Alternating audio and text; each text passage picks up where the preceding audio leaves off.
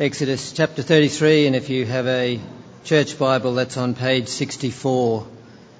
Then the Lord said to Moses, Leave this place, you and the people you brought up out of Egypt, and go to the land I promised on oath to Abraham, Isaac, and Jacob, saying, I will give you give it to your descendants. I will send an angel before you and drive out the Canaanites, Amorites, Hittites, Perizzites, Hivites, and Jebusites Go up to the land flowing with milk and honey, but I will not go with you, because you are a stiff necked people, and I might destroy you on the way.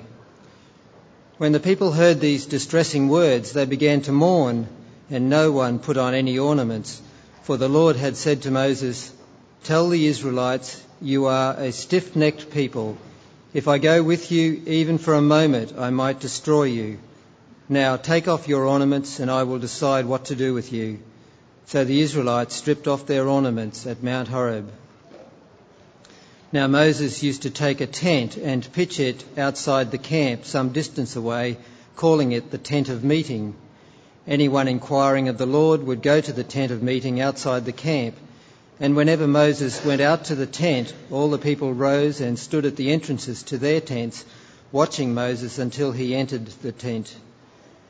As Moses went into the tent, the pillar of cloud would come down and stay at the entrance while the Lord spoke with Moses. Whenever the people saw the pillar of cloud standing at the entrance to the tent, they all stood and worshipped, each at the entrance to his tent. The Lord would speak to Moses face to face, as a man speaks with his friend. Then Moses would return to the camp, but his young aide Joshua, son of Nun, did not leave the tent. Moses said to the people, You have been telling me, lead these people, but you have not let me know whom you will send with me. You have said, I know you by name, and you have found favour with me. if you are pleased with me, teach me your ways, so that I may know you and continue to find favour with you. Remember that this nation is your people. The Lord replied, my presence will go with you, and I will give you rest. Then Moses said to him, If your presence does not go with us, do not send us from here. How will anyone know that you are pleased with me and with your people unless you go with us? What else will distinguish me and your people from the other people, all other people on the face of the earth? And the Lord said to Moses, I will do the very thing you asked because I am pleased with you and I know you by name. Then Moses said, Now show me your glory. And the Lord said, I will cause all my goodness to pass in front of you, and I will proclaim my name, the Lord, in your presence. I will have mercy on whom I will have mercy, and I will have compassion on whom I will have compassion. But, he said, you cannot see my face, for no one may see and see me and live. Then the Lord said, There is a place near here where you may stand on a rock. When my glory passes by, I will put you in the cleft of the rock and cover you with my hand until I have passed by. Then I will remove my hand and I will and you will see my back, for my face must not be seen. Let's pray. Our Heavenly Father, we do uh, thank you so much that, that you are a God who, who speaks to us. Uh, so we, we humbly come to you now and, and we ask you to, to teach us and to show us uh, more of yourself. Uh, draw us uh, to you. And we ask this uh, for your glory. Amen. Oh, I hope that you've still got your Bibles open to Exodus 33.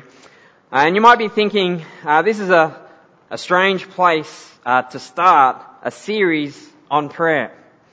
Uh, but but I'm conf- I'm convinced if we if we want to be thinking about prayer, uh, and if we want to uh, grow in our prayers, uh, and I hope that is something that, that you do want to do, uh, keep growing, keep coming to God more and more in your prayers, then we've got to start with God. we've got to start with with the one to whom we pray. Our prayer, in, in many ways, it's more about Him than it is about us. Uh, so our, our focus uh, needs to be on, on Him. And the better that we know Him, then I think that, that's only going to help us to, to be able to come to Him uh, in our prayers. And the bigger view that we have of Him, uh, that will help us to, to understand uh, what prayer is and, and how we can uh, be praying. We'll see just how, how extraordinary it is that we can talk to God. This is the, the God who made the whole world. The whole universe belongs to Him. And yet we who are really nobodies, we are able to, to come and pray to Him. It is so amazing. So the God we pray to, uh, where, where do you start in trying to, to understand uh, God? There's one, one aspect, one characteristic uh, of God that I want us to focus on uh, this morning, uh, and that is uh, His holiness. God, God is holy. Now, holiness is not an an easy word to to define without using the word holy, is it? Uh, so we think of holy, it's, it's to, to be set apart. Uh, for God to be holy, saying that He is uh, distinct, He is totally other uh, from, from us. And because God is holy and, and we are not, uh, to, to be in His presence or for Him to be in our presence, well, those two just don't really go together uh, very well, very easily. And you might like to just turn back a few chapters, just before what Bill read, um, to Exodus chapter 19. Uh, here we have uh, God's people uh, all gathered together at Mount Sinai. Uh, so God's brought them out of Egypt. Uh, he, he, saved them out of slavery, uh, and then all the people are gathered together. So Exodus 19 verse 16. On the morning of the third day there was thunder and lightning with a thick cloud over the mountain and a very loud trumpet blast. Everyone in the camp trembled. Then Moses led the people out of the camp to meet with God and they stood at the foot of the mountain. Mount Sinai was covered with smoke because the Lord descended on it in fire. The smoke billowed up from it like smoke from a furnace, and the whole mountain trembled violently, and the sound of the trumpet grew louder and louder. Then Moses spoke, and the voice of God answered him. And then come down to chapter 20, verse 18. When the people saw the thunder and lightning and heard the trumpet, heard the trumpet and saw the mountain in smoke. They trembled with fear. They stayed at a distance and said to Moses, Speak to us yourself and we will listen. But do not have God speak to us or we will die. Now you can, you can sense there what, what's happening uh, at that mountain and the, the awe of being at the base of the mountain and, and having uh, God meet uh, with them. They are rightly uh, filled with awe. Uh, there's danger in approaching God because He is holy. And the people, they, they know that they are not. Uh, so they say, Moses, you, you have God uh, speak to you, you speak to us, but we, we can't, we can't hear Him. It's too much. This is our God. Uh, he is holy. This is the one whom we pray to. But we can't just lightly come to Him to be in His presence or for Him to be in our presence uh, and live. Because this is God. Now to think about this uh, a little bit more, I've got a, a few examples of some, some places around the world that, that might fill you with awe uh, if you if you were there. Now these places they're also uh, they're dangerous places, uh, so not to be taken lightly. For if you were to go to these places, uh, you might uh, not live. Uh, not talking about Rio, um, some other places. So the first one that's going to come up, this is a desert, a stunning desert in the US, but it's called Death Valley. So temperatures here um, have been recorded uh, up to uh, 134 degrees Fahrenheit, not Celsius, uh, but that's still nearly 60 degrees um, Celsius. So it gets hot. So if you just rock up here, not prepared, right, that's, you're not going to be able to do that and be able to, to, to live. Alright, what about this one? This next one, uh, this is the uh, Madidi National Park in Bolivia. And that, that looks quite a nice place, doesn't it? Uh, pitch, picturesque, uh, nice bit of scenery, a nice place to, to go. Well, don't be deceived. Uh, it's home to some of the most poisonous and aggressive uh, fauna. So not not in the water, but outside fauna uh, in the world. So some of the plants here, uh, if you if you touch them, come into contact with them, uh, you'll get the most severe uh, itching and rash and dizziness, and get a, a small cut or wound, and then you'll get infected with tropical parasites. One more. Uh, this one uh, is Lake uh, Natron in Tanzania. Now it looks uh, a bit like an extraterrestrial uh, landscape there, uh, but that's an alkali salt crust on top of the lake. And any living creature that comes in contact with that lake, with the crust on that lake, um, will will not survive. will will die. swimming uh, is not recommended. Our God uh, is a holy God, and He is not to be approached uh, lightly. Not to take our God lightly. He is so holy, uh, He is so glorious that you can't see Him and live. Uh, that's what Moses is told uh, in Exodus 33, what we read before. Now I don't know about you, but for me, I know I often have a way too small a view of God. Uh, and I can take Him and treat Him way too casually. Uh, I'm guilty of that all the time. Uh, we need to see God for who He is uh, in all His holiness.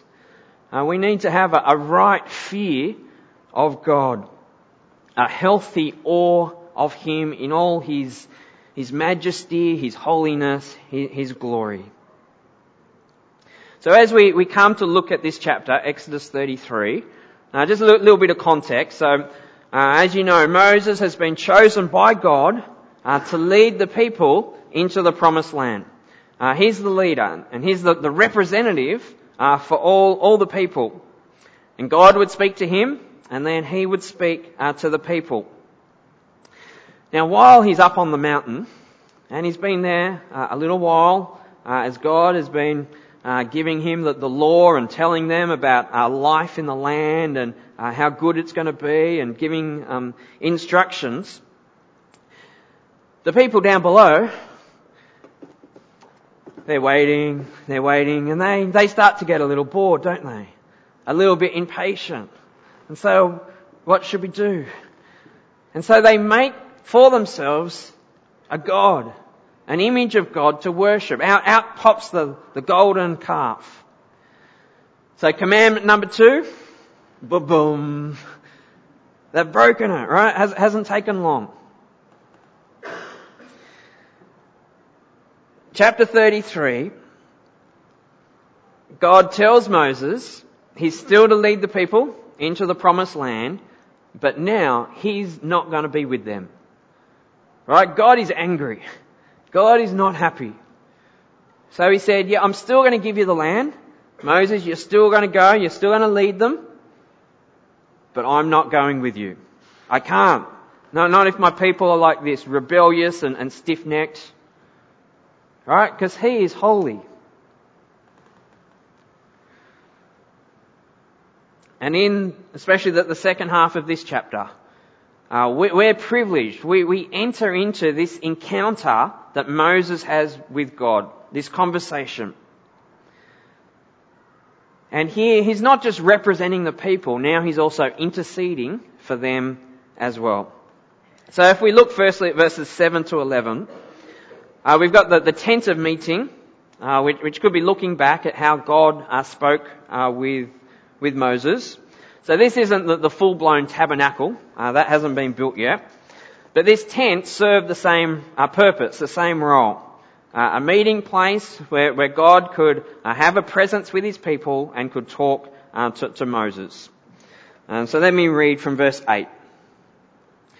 Whenever Moses went out to the tent, all the people rose and stood at the entrances to their tents, watching Moses until he entered the tent. As Moses went into the tent, the pillar of cloud would come down and stay at the entrance while the Lord spoke with Moses. Whenever the people saw the pillar of cloud standing at the entrance of the tent, they all stood and worshipped, each at the entrance to his tent. The Lord would speak to Moses face to face as a man speaks with his friend.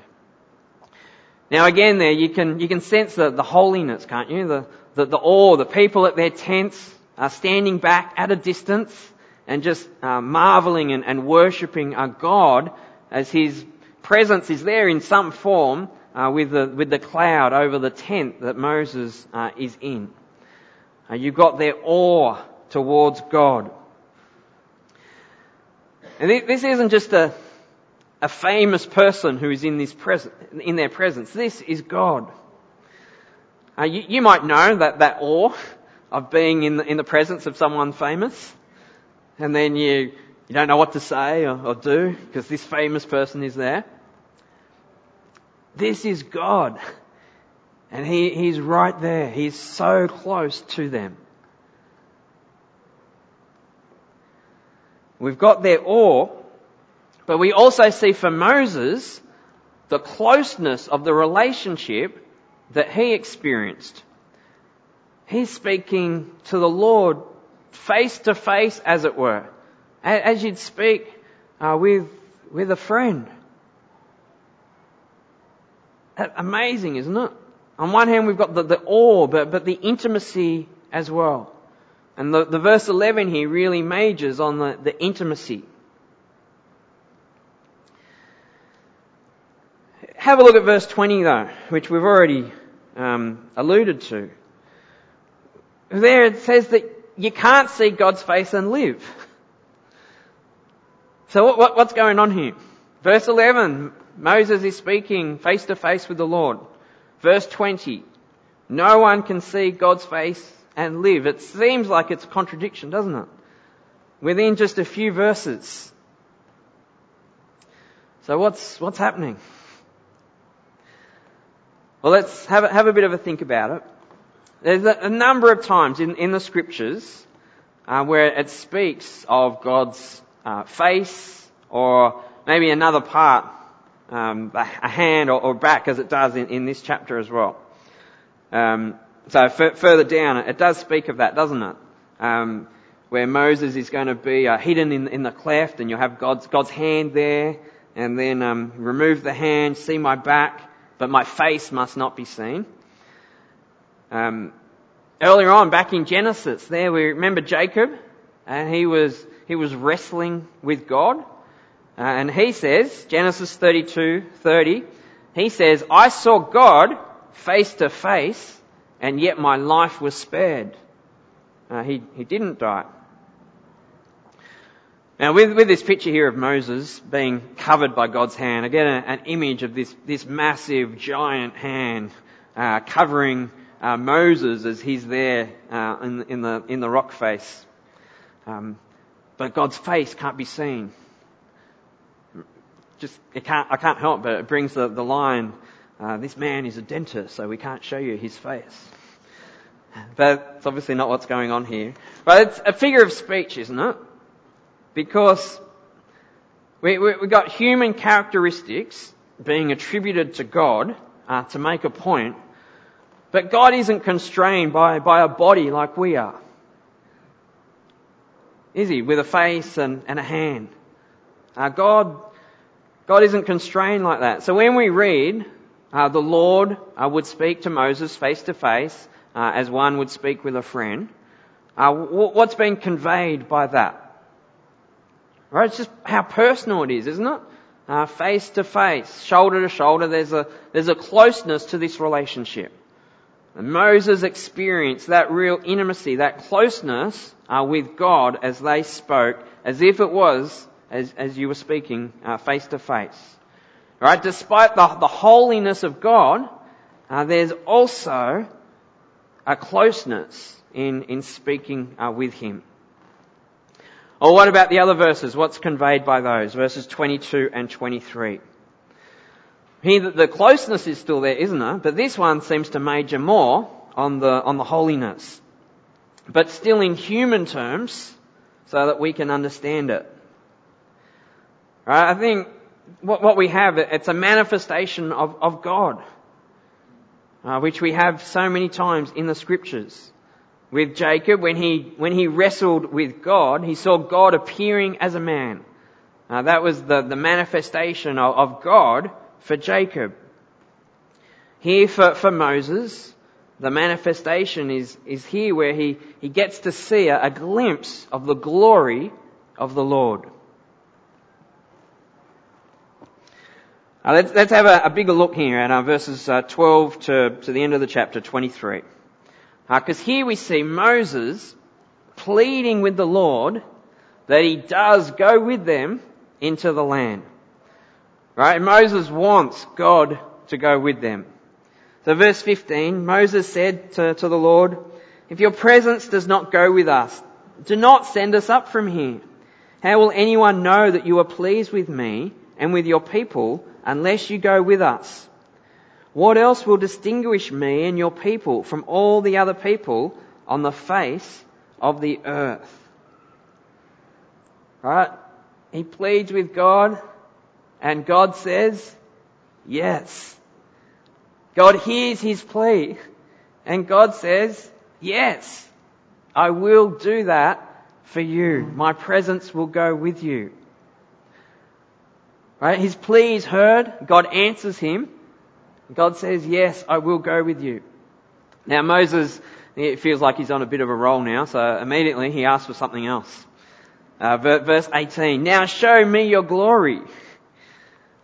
I can't help but hear Jerry Maguire. Show me the glory. Show me the money. But if you've got an ESV, it sounds a little bit different. It's a bit more polite, the ESV. Uh, it says, please show me your glory. Sounds a little bit more Oliver Twist. Uh, please, can I have some more? Please show me your glory. Right? And God says yes. Uh, again, to the request of Moses, God says yes. He will show him his glory. So verse, verse 19, God said, I will cause all my goodness to pass in front of you, and I will proclaim my name, the Lord, in your presence. I will have mercy on whom I will have mercy, and I will have compassion on whom I will have compassion. But he said, You cannot see my face, for no one may see me and live. And if you keep reading uh, into uh, chapter 34, we're not going to do it now, uh, Moses does get to see uh, the glory of the Lord. He sees his goodness, uh, his name is proclaimed. Uh, and then in, in verse 14, chapter 34, God says this Moses, do not worship any other God, for the Lord, whose name is jealous, is a jealous God. Can you, can you sense that the awe? God is to be worshipped and Him alone, for He is God. He is a holy God. And this is the God to whom we pray. This is the one we speak with. Now, when Moses went down the mountain, then everyone else down the bottom, they were afraid of Moses. They didn't want to speak to him. Because he's been in the presence of the Lord, his face is now radiant. Uh, he's glowing. Because he's seeing the glory of the Lord. God's holiness. So he comes down and then he's, he's shining. His face is all lifted up. It's all lit up because he has experienced uh, the awe and the intimacy of God. And friends, this is the God to whom we pray to. This is our God, the Lord Almighty, uh, the Holy One. We can speak to Him. It's extraordinary, isn't it? Because we are nobodies. And we are anything but holy. We're sinful. And sin means that God can't be in relationship with us. So how, how can we possibly come into His presence? Only because of His Son Jesus. It's only because of Jesus that we, we get to share in this, this awe and this intimacy uh, with God. Jesus, He is our representative. Uh, he is our intercessor, but He is also our substitute, uh, something that Moses couldn't do uh, for the people. Jesus on the cross, He takes away our sin. And because He takes away our sin, He, he makes us holy. Holy in God's sight. So when God looks at you, uh, right now, if you're trusting Jesus, who, who, what does He see? Not your sin, someone who has been washed clean and forgiven by His Son. And because of that, because you've been made holy in His sight, that means you now have access to God. And we get to call Him our Father. Now let me just read you one, one more bit. Hebrews chapter 10. Uh, you can look it up or, or, just listen. Hebrews 10 from verse 19. Uh, this is what we uh, get to have uh, because of what Jesus does for us. Therefore, brothers and sisters,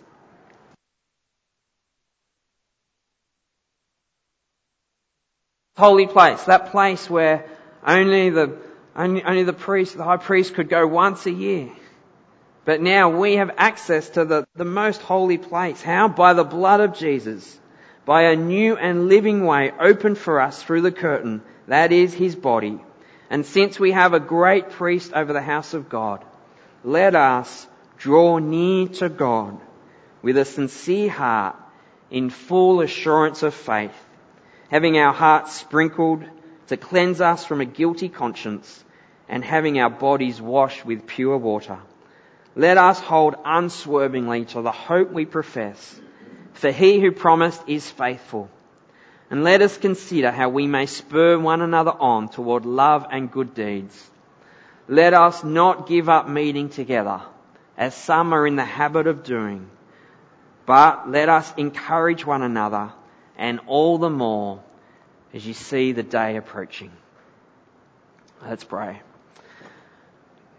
Uh, Heavenly Father, we do praise you uh, for how great you are.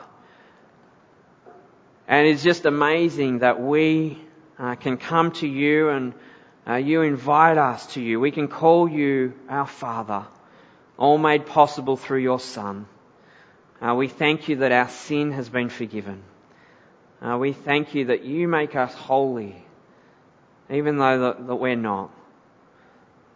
So, Father, help us to, to marvel at your greatness and help us uh, to, to enjoy uh, that close relationship that we can have uh, with you. Father, help us to, to hold these things together, having a, right awe of you, uh, but also that, that closeness of relationship. Father, thank you for your Son, and thank you for your, your Holy Spirit uh, who is with us. In Jesus' name, Amen.